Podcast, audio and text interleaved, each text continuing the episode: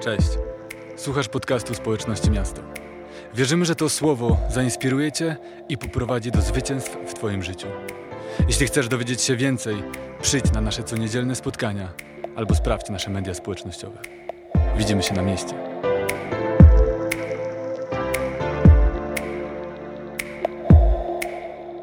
Dobrze tutaj być e, razem z Wami. E, wakacje, ale jesteśmy w serii Chcę się uczyć, dlatego że wakacje nie muszą być zmarnowanym czasem, jeśli chodzi o nasz rozwój. I w tym kościele rozwijamy się, a nie zwijamy się. Chcemy iść do przodu w naszym życiu. Chcemy, chcemy stawać się bardziej podobni do Chrystusa. Chcemy naśladować Go w drodze uczniostwa zawsze, e, nie tylko w sezonie akademickim, w, sezonie, w roku szkolnym. Chcemy robić to nieustannie. I robimy to również w wakacje. I dzisiaj, e, dzisiaj idziemy dalej, idziemy głębiej, mocniej. Dzisiaj będzie, dzisiaj będzie kazanie zatytułowane Zdejmij zbędny bagaż. Może odwrócić się do osoby po prawej stronie i powiedzieć zdejmij zbędny bagaż. Teraz odwróć się do osoby po lewej stronie i powiedz już czas. Już czas. Już czas zdjąć ten zbędny bagaż.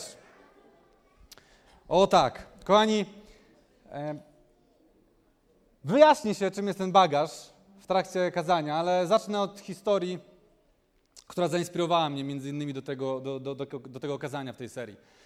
Otóż byliśmy u kolegi naszego, naszego syna z przedszkola, u jego rodziców do, dokładniej, nie mieszka jeszcze sam. E, byliśmy u jego rodziców i był grill, jacuzzi, fajny klimat, gadaliśmy sobie o różnych rzeczach i tata tego kolegi jest prawnikiem i opowiadał o swojej karierze zawodowej, opowiadał jak zaczynał. I opowiadał, że był, prowadził kiedyś taką sprawę, w której trafił na sędziego, który był po prostu furiatem. Był jakimś odklejony od rzeczywistości, nieobliczalny. Na każdej rozprawie była jakaś zadyma, ponieważ on się wściekał, wkurzał. E, I to było do tego stopnia nieprzewidywalne, że jak tylko pojawiła się opcja na ugodę, to obie strony z chęcią zawarły tą ugodę, ponieważ nie, nie, nie, nie wiedziały, czego się spodziewać e, po rozstrzygnięciu. Oczywiście mówił, że wtedy zaczynał swoją karierę, teraz od razu by złożył wniosek o wy, wyłączenie takiego sędziego, no ale wtedy był na początku swojej kariery i zaczął i, i zawarł tą ugodę. I wiecie, dlaczego to było dla mnie takie poruszające? Nie wiem jak wy, ale jak ja dorastałem, teraz to się zmienia, to było tak, że były takie zawody zaufania publicznego. One da dalej chyba są, ale nie wiem, czy są tak samo traktowane. Ale kiedy ja byłem dzieciakiem, kiedy dorastałem, to zawód zaufania publicznego to był taki zawód, że my za bardzo się nie kminiło, kim ta osoba jest, jaki ma charakter, osobowość, po prostu ma pozycję, ma autorytet i zakładamy, że ona jest właściwą osobą i jej rozstrzygnięcia, jej decyzje są właściwe. Takie zawody to był właśnie sędzia, lekarz, nauczyciel, ksiądz. Znacie to powiedzenie, ksiądz jest księdzem, więc on wie. Tak było kiedyś. Dzisiaj już tak nie jest. Dzisiaj analizujemy, dzisiaj podważamy, dzisiaj sprawdzamy. To ma swoje plusy, bardzo duże plusy. Natomiast założenie, i dzisiaj mamy też taką świadomość większą, myślę, i to jest ten plus między innymi, że to nie jest tak, że jeżeli ktoś ma jakiś zawód, ma jakąś pozycję, ma jakąś sławę, to automatycznie staje się dojrzałym, wolnym od jakichś obciążeń emocjonalnych, życiowych, duchowych człowiekiem. Mamy tego świadomość. Kiedyś było bardziej tak, no, ksiądz jest księdzem, sędzia jest sędzią, nauczyciel jest nauczycielem, trzeba słuchać. Ale okazuje się, że, że no właśnie, że sędzia jest sędzią, ale potrafi wnieść na salę sądową jakiś bagaż swoich doświadczeń. Ja nie, nie mam absolutnie pojęcia, jakby skąd to się brało i co było przyczyną tego i ten, ten znajomy nie powiedział mi tego i, i też pewnie się nie dowiedział. Ale ewidentnie zachowanie jego było nieadekwatne do pozycji i on wnosił ten bagaż. Nie wiem, może, może miał problemy ze swoimi dziećmi, może z żoną, może to była kwestia jego rodziców, jakiejś sytuacji rodzinnej, może z jakimiś znajomymi. Coś się tam działo i sprawiało, że on zachowywał się w sposób nieobliczalny, że wnosił ten bagaż ze swojego życia osobistego, ze swojego może przeszłości na salę sądową. I teraz uwaga. Tak jak ten sędzia wniósł na salę sądową swój bagaż, tak samo my, jako członkowie Kościoła, wnosimy swój bagaż do Kościoła, kiedy nawracamy się i dołączamy do wspólnoty. Każdy z nas ma jakiś bagaż doświadczeń, kiedy nawraca się, kiedy dołącza do wspólnoty Kościoła. I wnosimy ten bagaż do wspólnoty i to, co robimy, to jak to robimy, to dlaczego to robimy, to wszystko, czego doświadczyliśmy, te wspomnienia, czasem zranienia, jakieś nawyki, to wszystko wnosimy i zaczynamy działać w ten sposób. I wiecie, to prowadzi nas do miejsca, w którym często nie bierzemy pod uwagę tego bagażu doświadczeń i rozbijamy się o pewne rzeczy, które są na powierzchni. To znaczy, rozmawiamy tak, jakby wszystko dotyczyło tylko tego, co jest tu i teraz. Czyli nie możemy się dogadać, dyskutujemy o jakichś wersetach, o jakiejś sytuacji, o jakiejś służbie, zmagamy się, próbujemy rozwiązać sprawę, tak jak te strony na sali sądowej, ale okazuje się, że problemem nie jest ta sprawa, ale jest ten bagaż, który ten sędzia wniósł na salę, albo który my wnosimy do kościoła. I przez to bardzo często ślizgamy się po powierzchni, kłócimy się o przecinki, zamiast dotknąć czegoś, co jest u podstaw. I to jest ten bagaż, który wnosimy. Więc dzisiaj przyjrzymy się bagażom, które wnosimy do kościoła, wnosimy do, na naszą drogę uczniostwa i który niesiemy ze sobą. Ale żeby zacząć pozytywnie, nie zacząć od razu od tych bagażów, ciężarów i traum, które przeżywamy, to musimy wiedzieć, że podstawowym założeniem i jakby fundamentem tego, w co wierzymy, jest to, że jesteśmy powołani do wolności. Okay? Jesteśmy powołani do wolności. 2 Koryntian 5:17. Tak więc kto jest w Chrystusie, nowym jest stworzeniem. Stare przeminęło i nastało nowe. Amen. To jest podstawa Ewangelii. Stare przeminęło, wszystko stało się nowe. Zaczynamy nowe życie, to nie jest ulepszenie starego życia, to jest całkowicie nowe życie w Chrystusie. Jednocześnie musimy mieć świadomość, że to dotyczy naszego ducha. W jednym momencie nawracasz się i twój duch staje się doskonały. Masz sobie Ducha Świętego, Ducha Chrystusa. On jest doskonały w tobie. Więcej o tym mówię w serii Duch, Dusza, Ciało, więc możesz na naszym podcaście rozkminić sobie to głębiej. Ale tak jak Paweł pisze o tym, że wszystko stało się nowe, tak samo chociażby wyjście do Galacjan dodaje pewne szczegóły, które rozjaśniają nam sytuację. Czytamy, Chrystus przyniósł nam wolność, amen, potwierdza to. Ale dalej mówi piąty rozdział Galacjan, pierwszy werset, stójcie więc niezachwianie i nie schylajcie się znów pod jarzmo niewoli. Innymi słowy, Paweł przyznaje, mamy wolność w Chrystusie. Ale wciąż mamy duszę, wciąż mamy ciało, wciąż mamy wolę.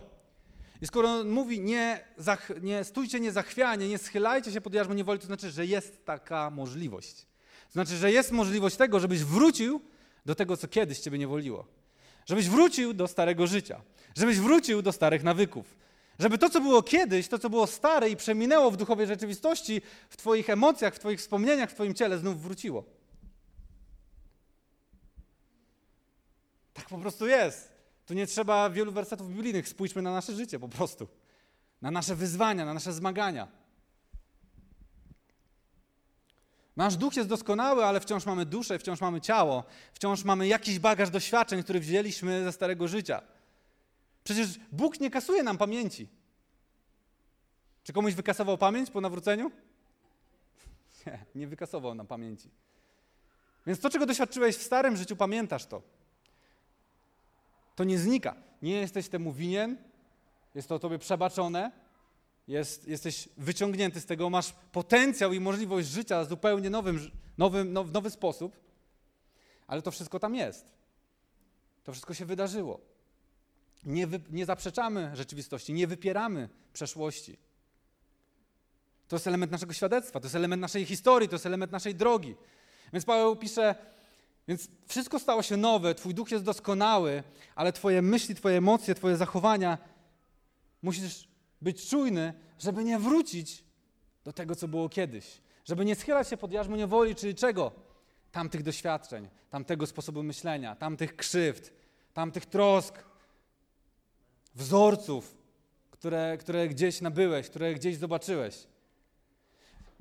Można by to zamknąć tym, nie mamy wracać do grzechu, w skrócie mówiąc, który zamyka nas w niewoli i który jest czym?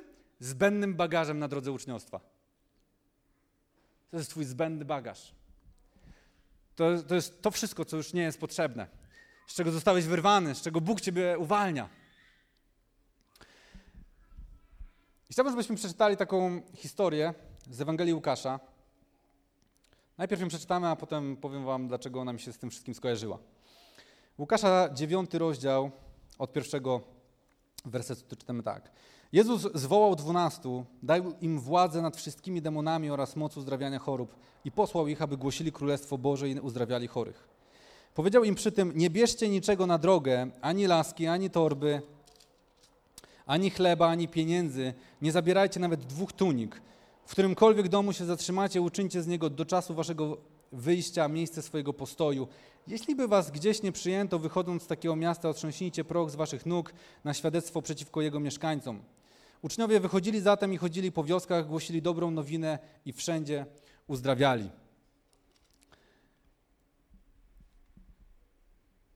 Myślałem sobie o tym bagażu i myślałem o tym, co możemy powiedzieć i gdzie Biblia mówi coś o bagażu.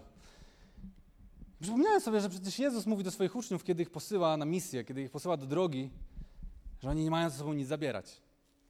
To znaczy Jezus mówi, na swojej drodze uczniostwa, na, na drodze naśladowania mnie, na drodze realizowania misji nie macie mieć żadnego zbędnego bagażu, macie być wolni.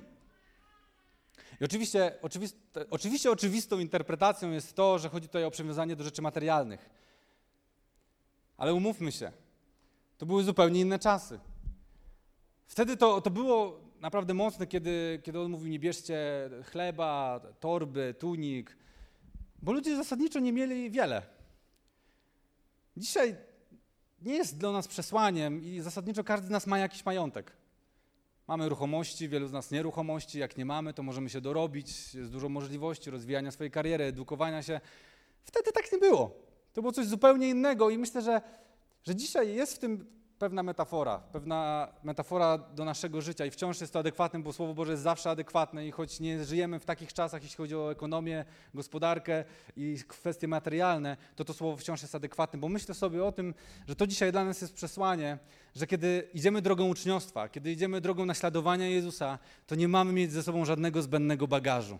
Mamy zostawić wszystko to, co nas ogranicza w naszym rozwoju, w naszym naśladowaniu, w naszej drodze. Mamy to zostawić, i iść za nim, by budować Królestwo Boże, ale bez tego obciążenia.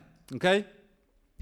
Więc nasz duch jest doskonały, jesteśmy nowym stworzeniem, ale w naszej duszy, emocjach, myślach, zachowaniach mamy w sobie zapisanych wiele, wiele schematów i nawyków.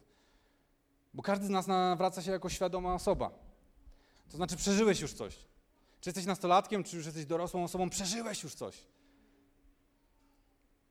Masz te doświadczenia.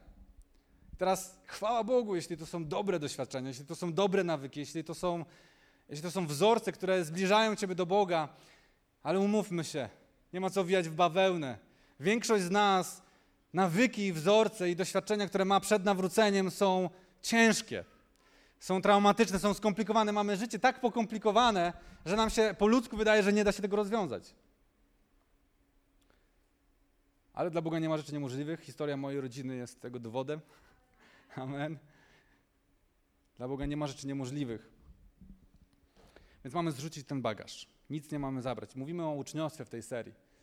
I Bóg mówi, Jezus mówi, nie bierz ze sobą nic zbędnego w tą drogę. Nie bierz ze sobą nic, co cię obciąża, nic, co cię zaham, zahamuje na tej drodze, co cię od, odwraca od, ode mnie, od moich, od moich nawyków, nawyków nieba. I chcę się przyjrzeć tym rzeczom, które mogą stanowić bagaż naszej duszy. Tutaj taka nietypowa historia. Rzadko z niej się głosi, ale właśnie dlatego jest ciekawie w mieście, że głosimy z takich wersetów. Jana 18, 19, 23. Z proces Jezusa, przesłuchanie Jezusa prze, przez Annasza. Przeczytajmy. Tymczasem arcykapłan zapytał Jezusa o, o jego uczniów i o jego naukę. Jezus mu odpowiedział: Ja otwarcie przemawiałem do świata. Zawsze uczyłem w synagodze i w świątyni, gdzie schodzą się wszyscy Żydzi. Potajemnie nic nie mówiłem. Dlaczego więc mnie pytasz? Zapytaj tych, którzy słuchali moich słów, oni wiedzą, co powiedziałem. Po tych jego słowach jeden ze stojących tam strażników wymierzył Jezusowi policzek, mówiąc przy tym: Tak odpowiadasz arcykapłanowi? Jezus na to: Jeżeli uważasz, że odpowiedziałem niewłaściwie, uzasadnij to, a jeżeli właściwie, to dlaczego mnie bijesz? Następnie Annasz odesłał go związanego do arcykapłana Kajfasza.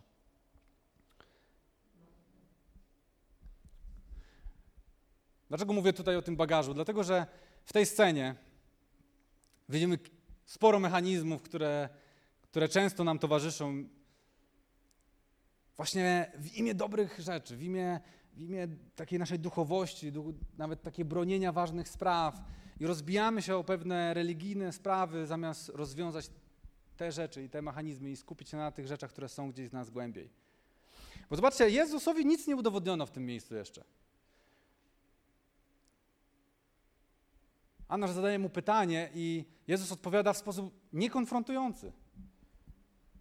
Nie w jakiś bluźnierczy sposób, nie w jaki, znaczy Jezus nigdy nie bluźnił, ale nie odpowiada w żaden sposób, który miałby wzbudzić kontrowersję. On mówi, zapytaj tych, którzy mnie słuchali, zawsze to wszystko było jawne, nie mam nic do ukrycia. I teraz zobaczcie na postawę tego strażnika. Nic nie zostało Jezusowi udowodnione, a strażnik już go bije. Już na niego krzyczy, już traktuje go jako winnego. Myślę sobie, że on to robi, bo ma dobre intencje. Prawdopodobnie on już był nieraz w takiej sytuacji, w której przed tym kapłanem stali prawdziwi heretycy, jacyś bluźniercy, ludzie, którzy mącili ludziom w głowach. I co on robi? Projektuje coś na niego, projektuje coś na Jezusa. Projektuje sobie jakąś sytuację, która tam wcale nie ma miejsca. On wypiera coś. Nie widzi tego, co widzieli wszyscy, te setki i tysiące ludzi. Nie widzi, że to jest człowiek pełen pokoju, że to jest człowiek pełen miłości, że to jest Bóg, że to jest Mesjasz. Tylu ludzi już to zobaczyli, ale on wypiera to, co jest, co jest w Jezusie. Wypiera to wszystko, co w nim widzi. Zaprzecza tym słowom, które słyszy, tym świadectwom. Wiecie, mnie bardzo poruszyło, kiedy, kiedy trafiłem, myślałem o tym kazaniu i, i ten fragment. Pomyślałem sobie, jak to jest niesprawiedliwe, jak, jak bardzo ten strażnik się myli. I jeszcze Jezus, który odpowiada mu, powiedz, co źle powiedziałem. Uzasadnij, co źle powiedziałem. A jeśli nie, to dlaczego mnie bijesz? Czy to nie jest, czy to nie jest coś, z czym my się tak często zmagamy? Słyszymy coś, słyszymy jakieś słowa w kościele, jakieś wersety, jakieś nauczanie, mamy jakąś rozmowę i już projektujemy coś. Już coś w nas się uruchamia. I już coś wypieramy, już czemuś zaprzeczamy. I teraz pewnie większość z Was zaprzecza, że to dotyczy Was. tak to często działa, ale zrobimy test. Zrobimy test. Wiecie, każdy, kto słucha regularnie kazań w mieście, to wie, że jednym z moich ulubionych narzędzi preacherskich jest test. Jest test, czyli zmuszanie moich słuchaczy, odbiorców do tego, żeby zastanowili się i postawili się w tej sytuacji, więc robimy test. Chciałbym, zapowiem wam teraz o kilku różnych sytuacjach i zadaję, jaka byłaby wasza reakcja? Zastanówcie się. Nie musicie mówić na głos. Więc jaka byłaby twoja reakcja Jaka była w ostatnim czasie, jeśli to Cię spotkało, albo jaka byłaby, gdyby to wydarzyło się dzisiaj po nabożeństwie? Gdyby dzisiaj po nabożeństwie ktoś podszedł do Ciebie i z miłością by Cię napomniał. Jak myślisz, jak byś zareagował? Nie po chamsku, po prostu powiedziałby Ci z miłością, ale konkretnie jakieś słowa napomnienia. Zastanów się. Jaka byłaby Twoja reakcja? Jaka byłaby Twoja reakcja, gdyby ktoś dzisiaj powiedział Ci po nabożeństwie albo ostatnio zrobił to, Postawił ci jakieś granice, wyznaczył jakieś granice, powiedział: Ej, to się nie mieści w granicach tego, jak tutaj się zachowujemy w tej społeczności, albo to się nie mieści w chrześcijańskich standardach, albo słuchaj, trochę przekraczasz moje granice, czy możesz trochę złapać dystansu, bo jest mi ciężko z tym. Jak byś zareagował, gdyby ktoś tak ci powiedział? Myślimy, myślimy, myślimy, procesujemy. Kolejne pytanie, kolejna sytuacja. Jak byś zareagował, gdyby ktoś po nabożeństwie powiedział ci jakieś coś przykrego o drugiej osobie z kościoła. Co byś zrobił? I jeszcze dodajmy, żeby było trudniej, że to była osoba, z którą nigdy nie miałeś jakiejś sympatii. Jak byś zareagował, gdyby po nabożeństwie ktoś powiedział ci jakieś złe słowa o twoim lokalnym kościele? Czy mieście, czy jeśli jesteś gościem, to twojej wspólnocie, tam gdzie na co dzień jesteś? Jak byś zareagował? I ostatnie, jak zareagowałeś, kiedy Ela tutaj mówiła o pieniądzach i o tym, że zaprasza was do tego, żebyście, żebyście wsparli to dzieło swoimi finansami?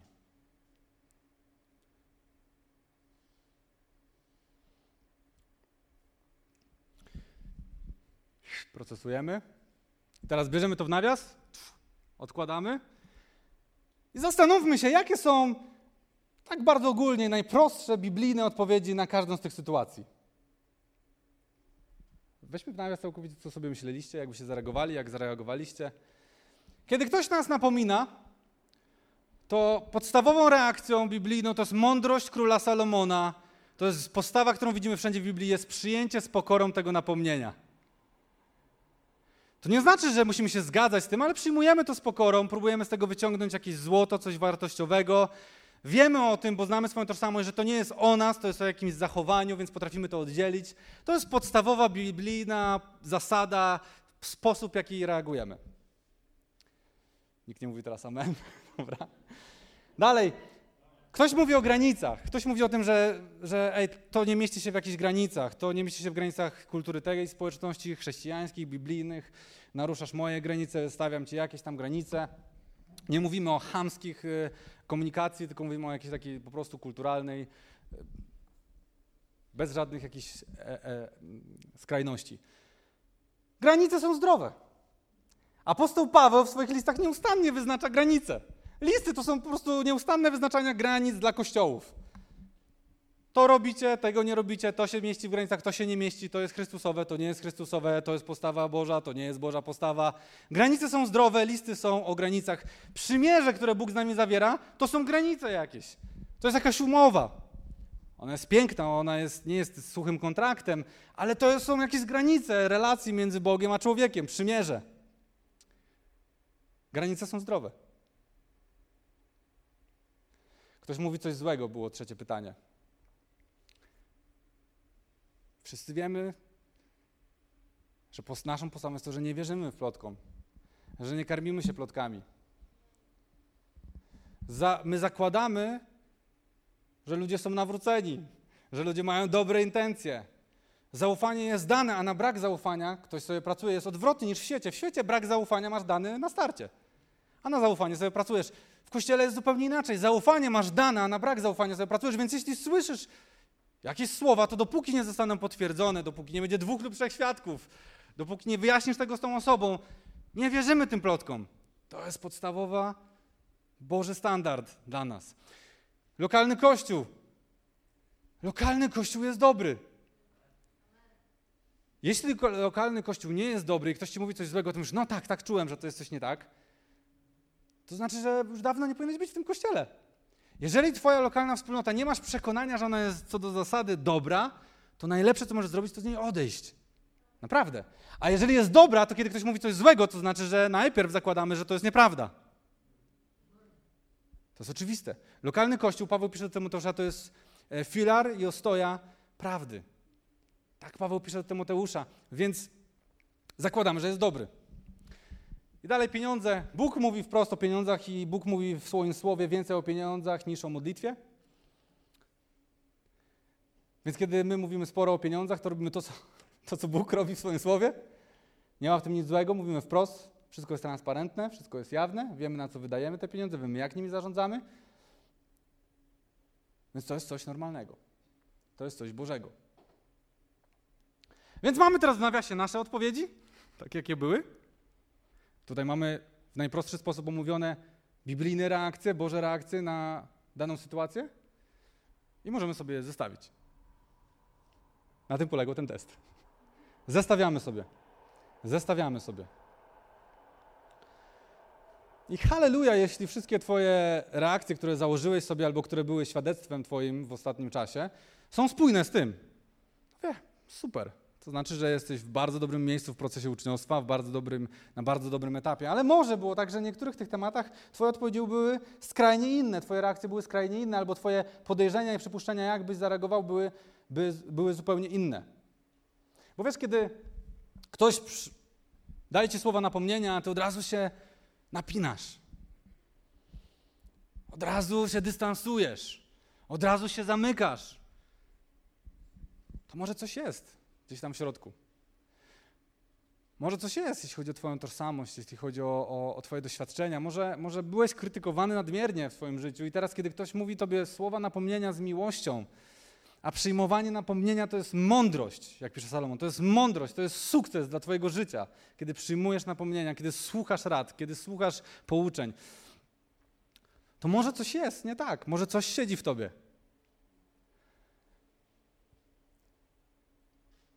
Kiedy, kiedy granice ciebie denerwują, kiedy irytujesz się, kiedy czujesz się, że ktoś cię nie, zniewoli, od razu masz toksyczne miejsce, toksyczny kościół, toksyczna wspólnota, toksyczne środowisko, bo są granice, to może masz problem z tymi, z tymi granicami, może doświadczyłeś czegoś i, i odzywa się coś w tobie z przeszłości. Dlatego, że granice są dobre, normy są dobre, standardy są dobre. Każda wspólnota, każda społeczność, każde środowisko, każde państwo ma jakieś normy. One są potrzebne. Bez tych norm jest chaos. Jest chaos. Może jesteś podejrzliwy wobec innych. Może zakładasz, że ludzie mają złe intencje. Może, może doszukujesz się błędów innych ludzi, więc kiedy ktoś potwierdza ci jakąś plotką, to to tylko cię karmi. O, ja wiedziałem, że coś z tą osobą jest nie tak. Ja wiedziałem, że nie może być taka fajna, jak wszyscy mówią. Kościół może byłeś zraniony przez jakiś, twoją poprzednią wspólnotę, jakąś wspólnotę, jakieś środowisko, jakąś instytucję, organizację. I teraz cokolwiek się dzieje, cokolwiek, w jakikolwiek sposób jesteś związany, masz być związany z daną środowiskiem, wspólnotą, to od razu się nie wiem, boisz, denerwujesz. Od razu to jest toksyczny kościół, to jest toksyczny kościół. Ale co do zasady przecież założeniem jest, że Kościół jest dobry i dlatego w nim jesteś. Gdyby był zły, to byś w nim nie był. Taką mam nadzieję. Naprawdę, jeśli ten Kościół jest zły, to nie powinieneś tu być. Amen? Amen. To nie ma sensu. To absolutnie nie ma sensu. Ja nie chcę cię przekonywać, że ten Kościół jest dobry, jeśli ty nie doświadczasz, że on jest dla ciebie dobry. Come on. I pieniądze. Może wgrany masz lęk od dzieciństwa, że jest za mało że nie wystarczy, że będzie ci brakowało, że ktoś chce cię okraść, że ktoś chce ci zabrać, że na pewno wszyscy są złodziejami. I teraz uwaga, dlaczego o tym mówię? Bo to, co czujesz, jest autentyczne i ja w ogóle tego nie kwestionuję. To jest autentyczne, ty to przeżywasz. I moim celem nie jest zaprzeczenie temu to, co czujesz i Twoje myśli, Twoje uczucia i reakcje są autentyczne na 100%. Ale to, co uruchomiło te reakcje i emocje, już nie musi być tym, co uważałeś. Emocje to fakty. To prawda. Ale niejednokrotnie emocje nas okłamują.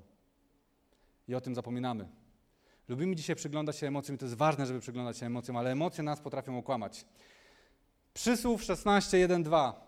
Rzeczą człowieka są rozważania serca, lecz od Pana pochodzi odpowiedź języka. To jest ludzkie, że mamy w sercu różne rozważania, różne emocje, różne reakcje. Wszystkie drogi człowieka wydają mu się czyste, lecz Pan bada duchy.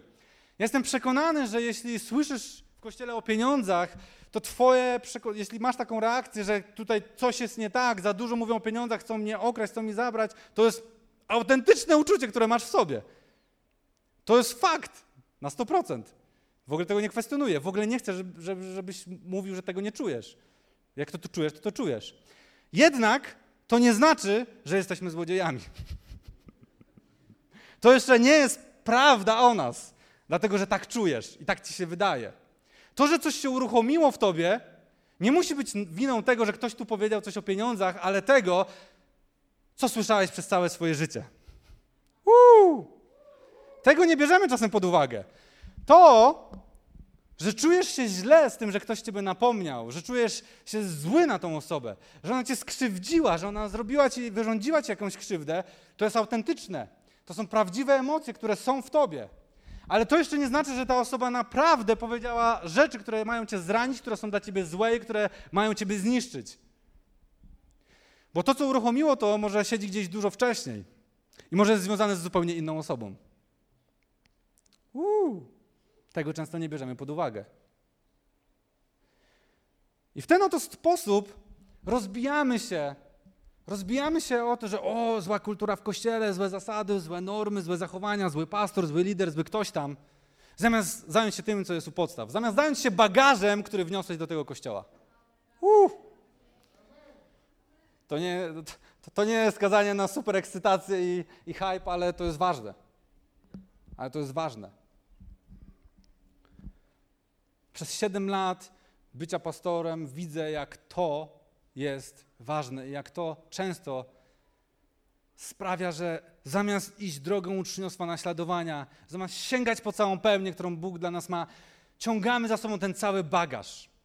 I mówimy, no ja jestem nowym stworzeniem i zakładamy, że wszystko jest ok, ale nie zdjęliśmy zbędnego bagażu w międzyczasie naszej duszy.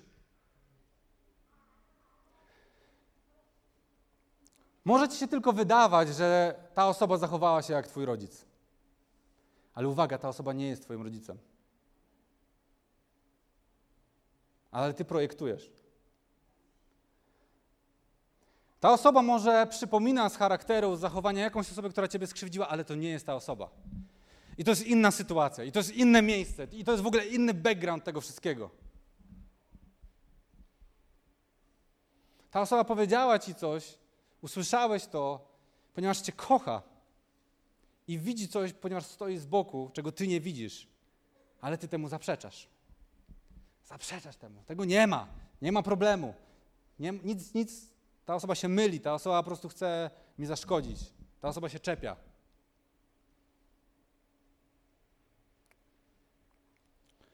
I często jest tak, że coś uruchamia w nas, jest jakiś trigger, który uruchamia w nas jakąś, jakąś reakcję, jakieś zachowanie. I uważamy, że, że, że ktoś nas chce skrzywdzić, ktoś robi coś dla nas złego, ale uwaga, ludzie nie czytają w naszych myślach i ludzie nie znają historii naszego życia. I uwaga, nie muszą jej znać, bo to nie jest ich odpowiedzialność. To jest Twoja odpowiedzialność. Uff. To nie jest tak, że 120 osób w tym kościele musi znać historię Twojego życia. Nie musi. Kilka osób fajnie, żeby znało, ale wszyscy nie muszą. I to, że reagujesz w oparciu o historię Twojego życia, jest Twoją odpowiedzialnością, a nie ich. Bęk. I teraz uwaga. Ja tego nie mówię, żeby teraz oskarżyć kogokolwiek z tutaj siedzącego. Mówię to, ponieważ chcę pokazać, że każdy z nas wchodzi na drogę uczniostwa z jakimś bagażem. Nie jesteśmy czystą kartą, kiedy się nawracamy, kiedy wchodzimy do kościoła. Mamy jakiś bagaż naszej duszy, naszych emocji, naszych doświadczeń, myśli, wspomnień. I to, do czego pragnę Cię zachęcić, to żebyś przyjrzał się temu, co jest w Tobie. Żebyś wziął to i spojrzał na to sobie troszkę. Zastanowił się, skąd to się bierze, dlaczego ktoś tak mówi, dlaczego ktoś zwrócił mi na to uwagę. Dlaczego te granice mnie tak denerwują? Dlaczego ten temat mnie tak denerwuje? Dlaczego nie mogę teraz wysiedzieć na tym kazaniu i chcę wyjść? Spójrz sobie na to. Przyjrzyj się temu troszkę. To jest dojrzałość. To jest dojrzałość, to jest wzięcie odpowiedzialności za swoje życie, za swoje emocje, za swoje reakcje. Ten strażnik nie zrobił tego. Już na zawsze jest zapamiętany jako ten, który spoliczkował Jezusa. Mesjasza, króla i zbawcę. Nie chciałbym być zapamiętany tak w, w historii. Myślę, że nikt z nas nie chce być. Jeśli nie chcesz być tak zapamiętany, to musisz spojrzeć na swoje reakcje, na swoje zachowania, na swoje, na swoje emocje, na to, co się dzieje w tobie i skąd to się bierze. I to nie jest mój pomysł. Kochani, to nie jest mój pomysł. To nie jest pomysł pastora Alka Koniecznego i mówię to po to, żebyś nie, znowu nie projektował na mnie i nie wypierał tego, co ja mówię, bo ja to mówię. Tylko posłuchaj apostoła Pawła, jednego z autorów Słowa Bożego, autorów tego, co jest napisane w Słowie Bożym. Efezjan 4, 22, 24. Słuchajcie. Wiecie, że macie zedrzeć z siebie starego człowieka, który hołdował dawnemu sposobowi życia – i którego niszczyły zwodnicze żądze. Zamiast tego macie poddawać się odnowie w duchu waszego umysłu i oblec się w nowego człowieka stworzonego według Boga w sprawiedliwości i świętości prawdy. Właśnie o tym jest tutaj napisane. Najważniejsze zdanie. Zamiast tego macie poddawać się odnowie w duchu waszego umysłu. Wasz umysł ma być poddawany Wasza dusza ma być poddawana odnowie w duchu, czyli tego, co jest doskonałe w Was, tego, co dostaliście w dniu nawrócenia, odnowie ducha Chrystusowego, który jest w Was. To, co jest w duchu, ma zacząć manifestować się w Waszym umyśle, w Waszym sposobie życia, w Waszych decyzjach, w Waszej woli. To jest instrukcja Pawła. I on mówi, zobaczcie, macie poddawać się temu. To jest proces. To jest proces. Mamy to robić nieustannie. Mamy odnawiać nasz umysł przez naszego ducha. Przez to, co jest w naszym duchu. I mamy zedrzeć z siebie stary sposób życia, stary sposób myślenia, stare nawyki, te zwodnicze żądze, te reakcje, które nas oddzielały od Boga. To jest proces, do którego jesteśmy zaproszeni przez apostoła Pawła. Odnawiania naszego umysłu w duchu. To jest proces uczniostwa, to jest proces zrzucania tego bagażu, który sprawia, że nie możemy odważnie tą drogą. I teraz nikt z nas nie ma się winić za swoje emocje. Żadne emocje nie są złe. Chyba trzy lata temu mieliśmy serię Zakazane emocje, jeszcze w starterze. I one, ta seria jest na naszym podcaście i czasem mówicie, że, że, że wracacie do tej serii. Żadne emocje nie są złe. Każde nam coś mówią o tym, co się w nas dzieje. I bardzo dobrze, ale teraz to, do czego Cię zachęcam i pragnę, żeby to było przesłanie tego kazania, żebyś wziął te emocje i przyjrzał się im. Skąd one się biorą? Dlaczego one takie są? Dlaczego jestem taki wkurzony? Dlaczego jestem taki zdystansowany? Dlaczego jestem taki zamknięty? Dlaczego, dlaczego jestem taki smutny? Co, mnie, co uruchamia we mnie te emocje? Co się wydarzyło? Jakie to były okoliczności? Spójrz na to. Błagam cię, spójrz na to. Nie reaguj jak dziecko, miotane różnymi emocjami. W serii Żyj jak król mówiliśmy o tym, że jedną z podstaw królewskiego, zwycięskiego życia jest to, że nie tylko reagujemy, ale odpowiadamy. U, i to jest dojrzałość. Reakcje są niezależne. Ja po prostu takie mam nawyki, tak zostałem stworzony, więc tak reaguję. Taki jestem. O, uwielbiamy to hasło. Ale rozmawiałem o tym z różnymi terapeutami. To nie jest tak, że taki jesteś. To jest, najpierw musisz zaakceptować, że taki jesteś, a później masz stać się dorosły. Ej, bo my uwielbiamy, mamy swoje wewnętrzne dziecko, muszę się nim zająć. Ja o tym rozmawiam z terapeutami, to naprawdę nie są... I to jest super, bo jest etap w twojej terapii, który musisz się zająć tym dzieckiem. Ale dalszy etap tej terapii polega na tym, czasem kończymy, kiedy ktoś nam powie, ej, zajmij się swoim wewnętrznym dzieckiem. I my, Woo, jestem zdrowy, zajmuję się swoim wewnętrznym dzieckiem. I co? Jesteś dzieckiem. W ciele dorosłego. Ale dalszy etap terapii mówi, musisz stać się dorosłym człowiekiem. A dorosły człowiek nie tylko reaguje, ale umie odpowiadać. Mm, amen. Amen.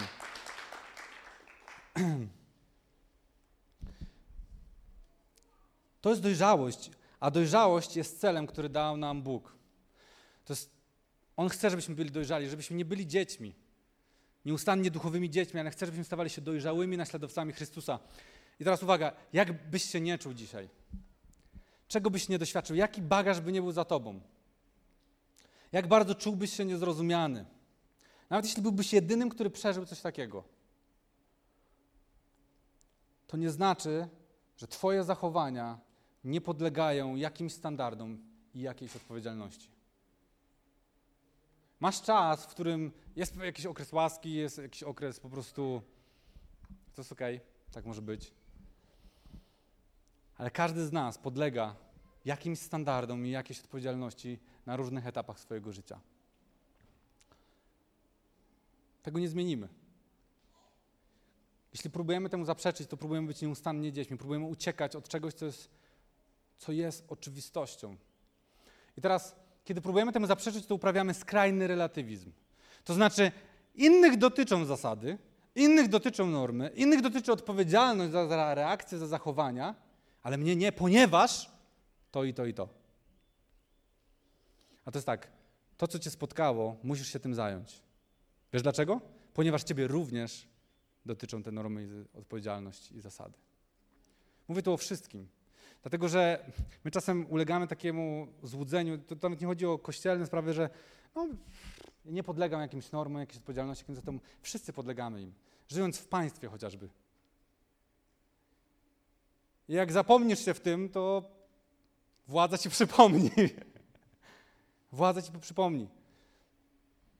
Każdy z nas podlega jakimś normom. W rodzinie. podlegamy jakimś normom i. I teraz tak, i może w twoim życiu nie było tego. I tu jest problem. Ale chodzi o to, że wszyscy bierzemy odpowiedzialność i potrzebujemy tej drogi. Zobaczcie, to jest Ewangelia. To już nawet może być, o, takie tutaj dzisiaj terapeutyczne jakieś e, motywy, bardzo fajnie. Ale to jest Ewangelia, zobacz. Czytamy, że Jezus przyszedł z czym? Z łaską i z prawdą. I to jest właśnie to. Łaska przyjmuje ciebie takim, jakim jesteś. Każdy, kto przyjdzie do tej społeczności, jest przyjęty taki, jaki jest. Cokolwiek tobie się wydarzyło, jakiekolwiek masz dzisiaj poglądy, z czymkolwiek się dzisiaj zmagasz, przez cokolwiek przeszedłeś, jesteś przyjęty po prostu taki, jaki jesteś. To jest łaska. Jezus umarł na krzyżu za wszystko to, co się wydarzyło w twoim życiu. A my tylko to opowiadamy. Ale uwaga!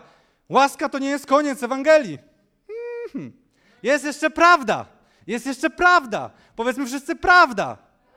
Łaska przyjmuje ciebie takim, jakim jesteś, ale prawda nie pozwala ci zostać w tym miejscu. Bęk. prawda nie pozwala ci zostać w tym miejscu. Bo przychodzimy poranieni, przychodzimy połamani, przychodzimy pogubieni i to jest ok. I każdy z nas staje, rodzi się na nowo i jest dzieckiem. Jest dzieckiem. Masz swój czas, masz swój czas dorastania, uczenia się, poznawania. A potem przychodzi czas dojrzewania. Jesteś nastolatkiem, masz trochę więcej już, trochę więcej prawdy. Z czymś się zaczynasz konfrontować. Ej, czemuś się trzeba przyjrzeć? Coś, coś jest nie tak. Coś musimy zmienić. Nie, nie marnuj tej łaski, którą dostałeś. Bo przecież mówiliśmy sobie o tym w tej serii, że chodzi o owocność naszego życia. Nie chodzi o to, że ej, mamy łaskę i dalej leżymy na, na glebie. Nie, chodzi o to, że, że Jezus podnosi nas do życia. Podnosi nas do tego, żebyśmy ruszyli dalej i zaczęli przynosić owoc. I to obfity. Więc On nas podnosi do tego, żebyśmy przynosili owoc. Jesteś nastolatkiem, jest trochę więcej prawdy, słyszysz coraz więcej. Potem stajesz się dorosłym.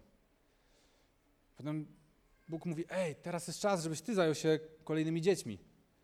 Ale ja jeszcze jestem dzieckiem. No właśnie. To jest ten problem.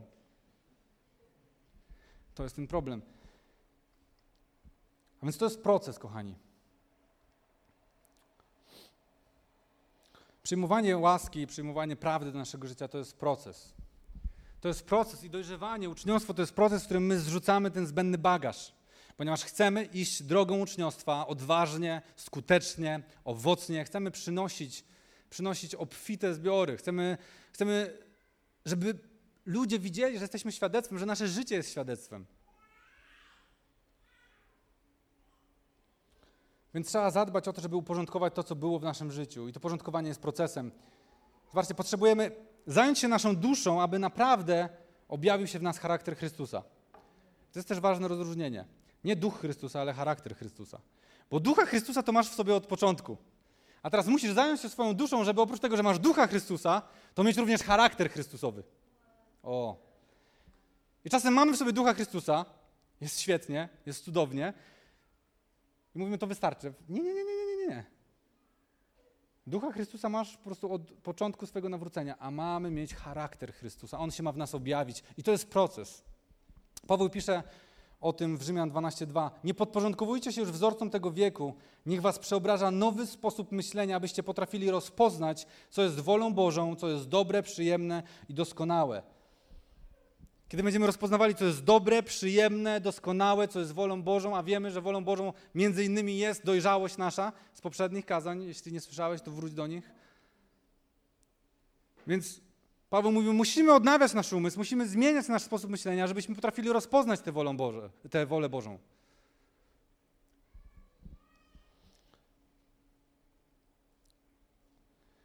I czasem zadajemy sobie pytanie, ale czy Bóg nie mógłby zabrać tego w ponadnaturalny sposób? Czy Bóg nie mógłby zabrać tego tak bęk i nie ma? Nie byłoby łatwiej? A teraz uwaga, On to robi. On to bardzo często robi. Prawdopodobnie niektórzy z Was dzisiaj tego doświadczyli. Dzisiaj jestem przekonany, że niebo było otwarte i niektórzy z Was doświadczyli po prostu. Ile razy było tak, że na uwielbieniu doświadczyłeś, wow, zeszło coś ze mnie. Wow, czuję wolność. Było słowo poznania na mój temat, to dotyczyło mojego życia, było proroctwo dla mnie. Albo po jakiejś rozmowie duszpasterskiej, wow, tak długo się nie mogłem tego zrozumieć, a teraz to rozumiem, wszystko się zmienia. Albo jakieś nauczanie. Ile razy słyszałem takie świadectwa? Bóg zabiera coś. To jest ten moment, ej, to zostało zabrane, bang! A co się potem dzieje? Dzień później, tydzień później, miesiąc później wracają twoje stare nawyki. I one cię okradają z tego, co dostałeś.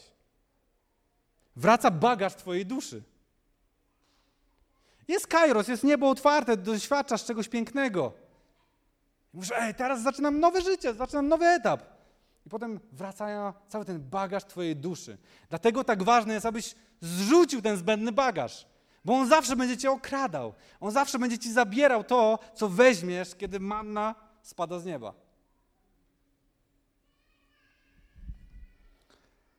Dobrze, zmierzamy do końca. Więc to jest proces przyglądania się sobie, przyglądania się swoim emocjom. Hej, może potrzebujesz dusz, duszpasterza. Może potrzebujesz kogoś, kto ci pomoże.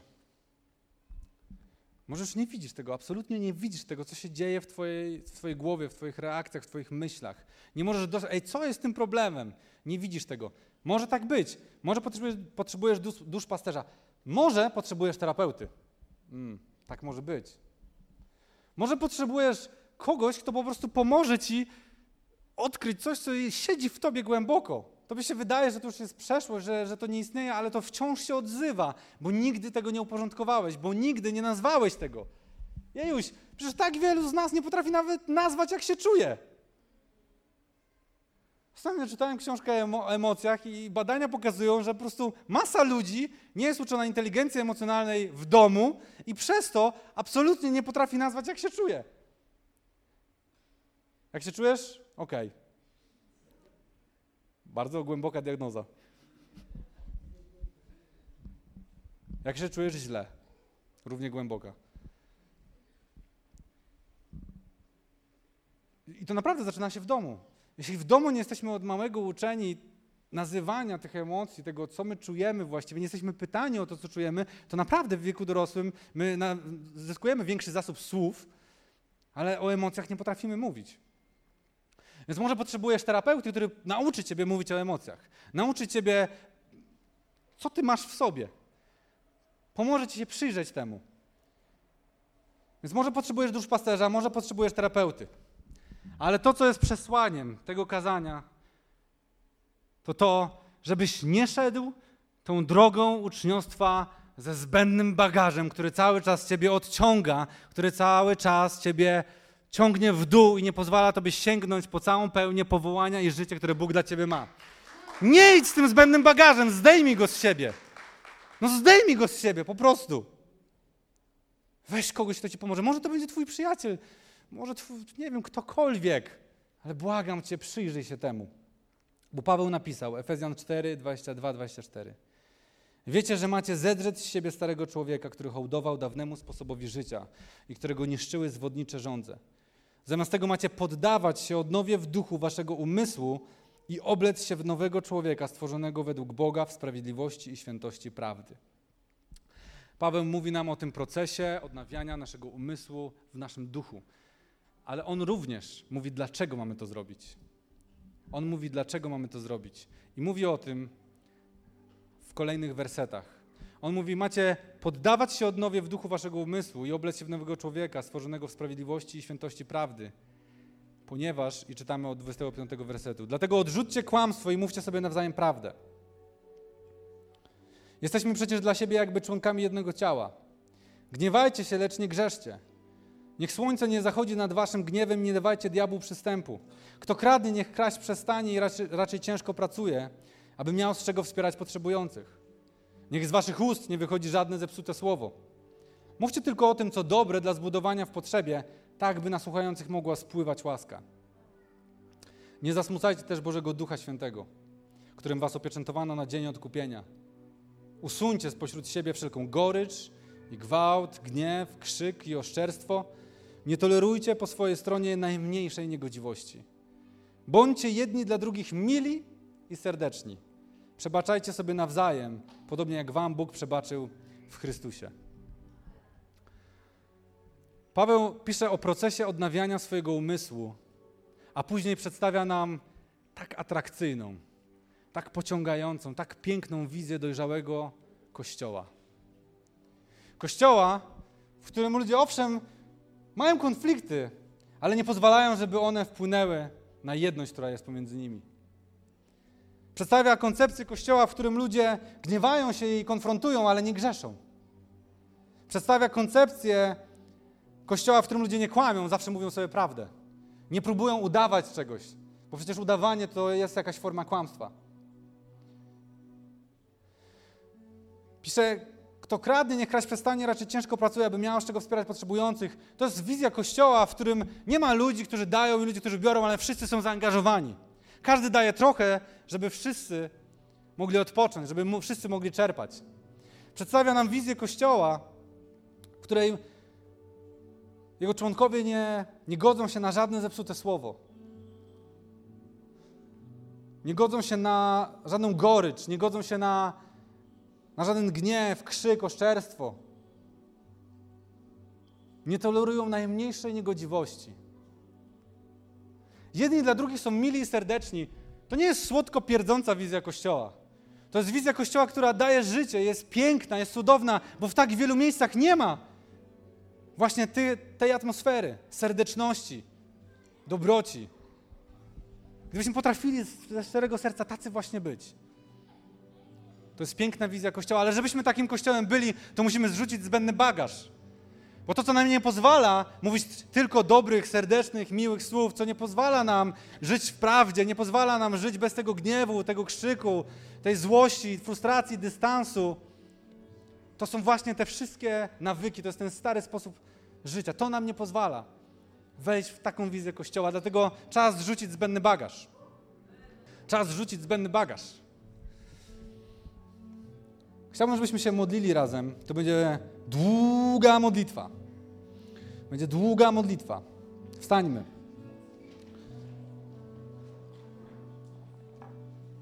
Bo przygotowując to kazanie, odebrałem od Ducha Świętego, że mamy nazywać konkretne rzeczy. I to będzie modlitwa o proces, kochani. To będzie modlitwa o proces, dlatego że ja wiem, że dzisiaj każdy, wielu z Was wzięło coś dla siebie. Coś ważnego, czujecie się może zbudowani, zachęceni. Ale wiem również, co się dzieje jutro, co się dzieje za tydzień, co się dzieje za miesiąc. Więc ja dzisiaj chcę się modlić o proces. O to, żebyś w końcu wziął jakichś ludzi, którzy Ci pomogą.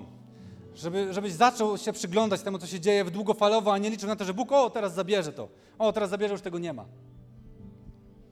Więc będziemy modlili się o konkretne rzeczy, o to, żeby Bóg zaczął swój proces.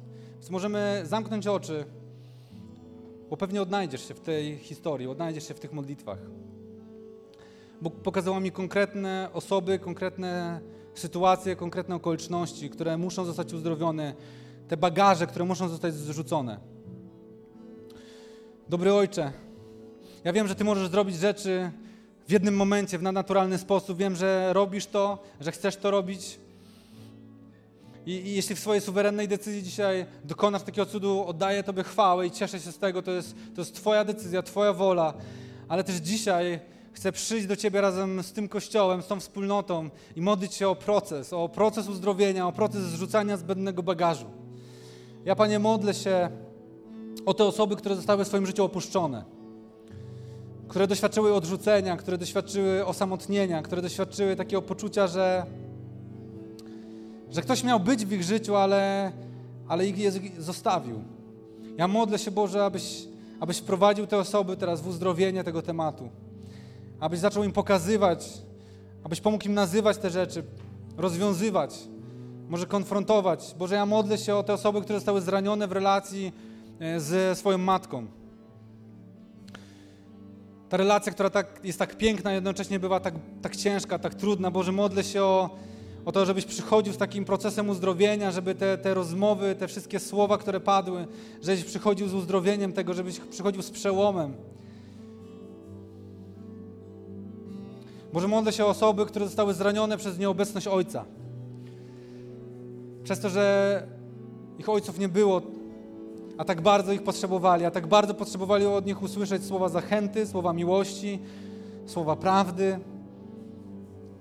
Może modlę się o to, aby te osoby weszły w proces usynowienia i doświadczenia Twojej ojcowskiej miłości.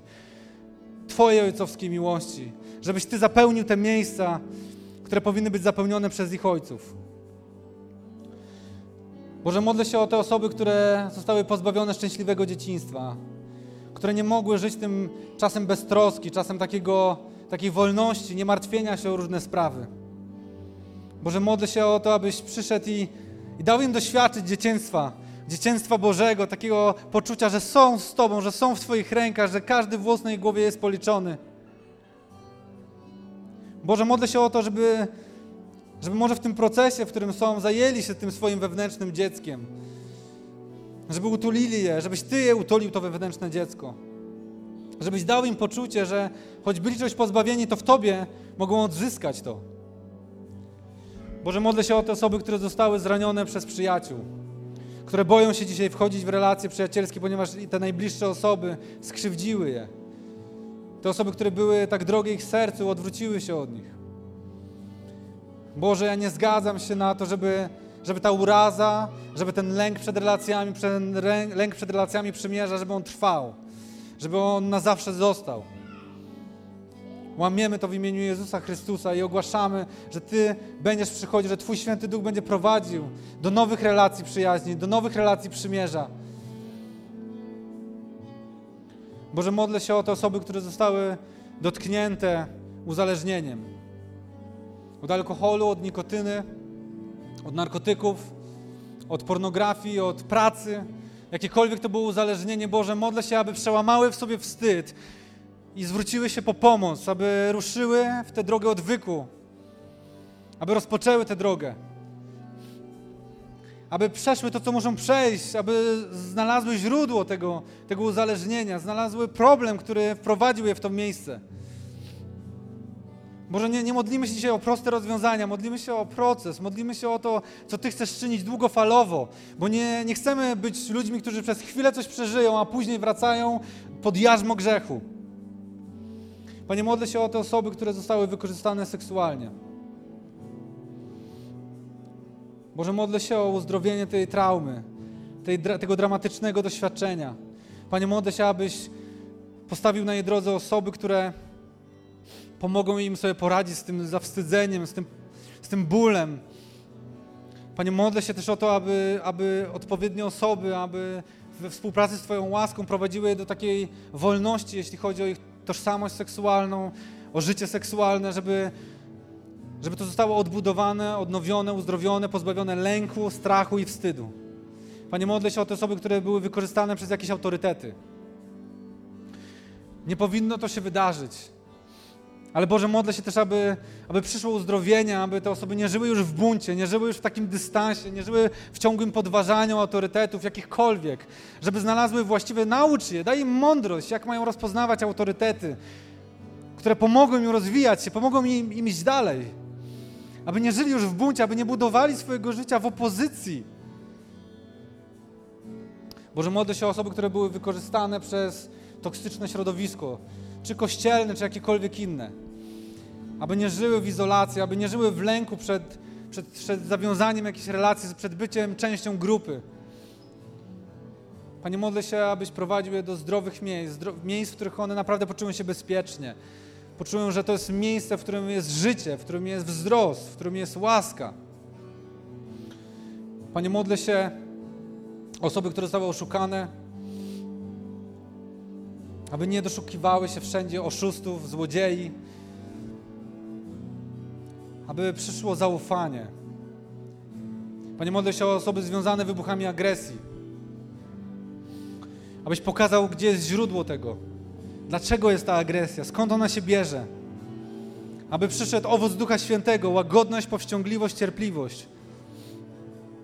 Panie, modlę się o osoby związane duchem, mentalnością ubóstwa, ciągłym lękiem finansowym, ciągłym strachem przed tym, że zabraknie, Panie, modlę się o złamanie tego, o złamanie ducha mamony, który, który nie woli ludzi, o edukację finansową, o edukację związaną z zarządzaniem pieniędzmi. Modlę się o osoby związane mentalnością ofiary, które wciąż doszukują się, że winę za ich porażki, za błędy jest w kimś innym, jest w innych ludziach, jest w rodzicach, jest, jest w Tobie, Boże. Ja modlę się o, o pokutę z tego, o otwarcie oczu i, i wyjście z tego miejsca bycia nieustanną ofiarą.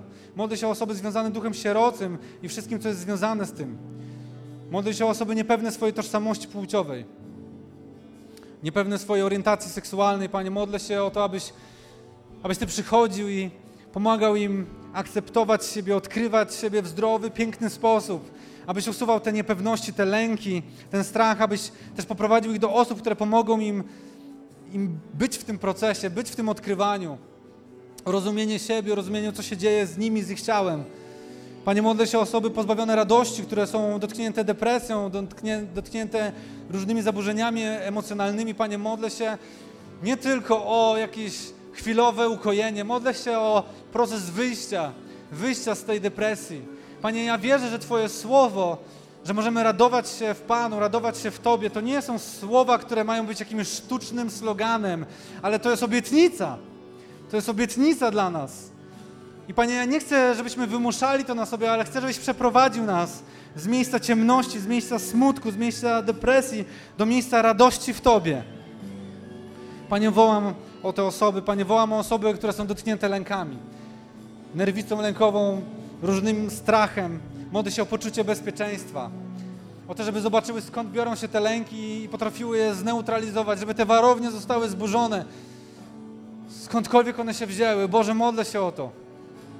Potrzebujemy tego procesu, potrzebujemy zrzucić ten zbędny bagaż, potrzebujemy to zrzucić i stawać się dojrzałymi. Chcemy wziąć odpowiedzialność za to. Z Twoją łaską, z Twoją miłością, swoją dobrocią chcemy wziąć odpowiedzialność. Nie chcemy stać w tym miejscu już. Nie chcemy być już związani, nie chcemy nosić tego na plecach, bo jesteśmy powołani do wolności i Chrystus przyniósł nam wolność. To jest prawda, to jest obietnica. Tym żyjemy. Pomóż nam. Pomóż nam. Pomóż nam. Dodaj nam odwagi.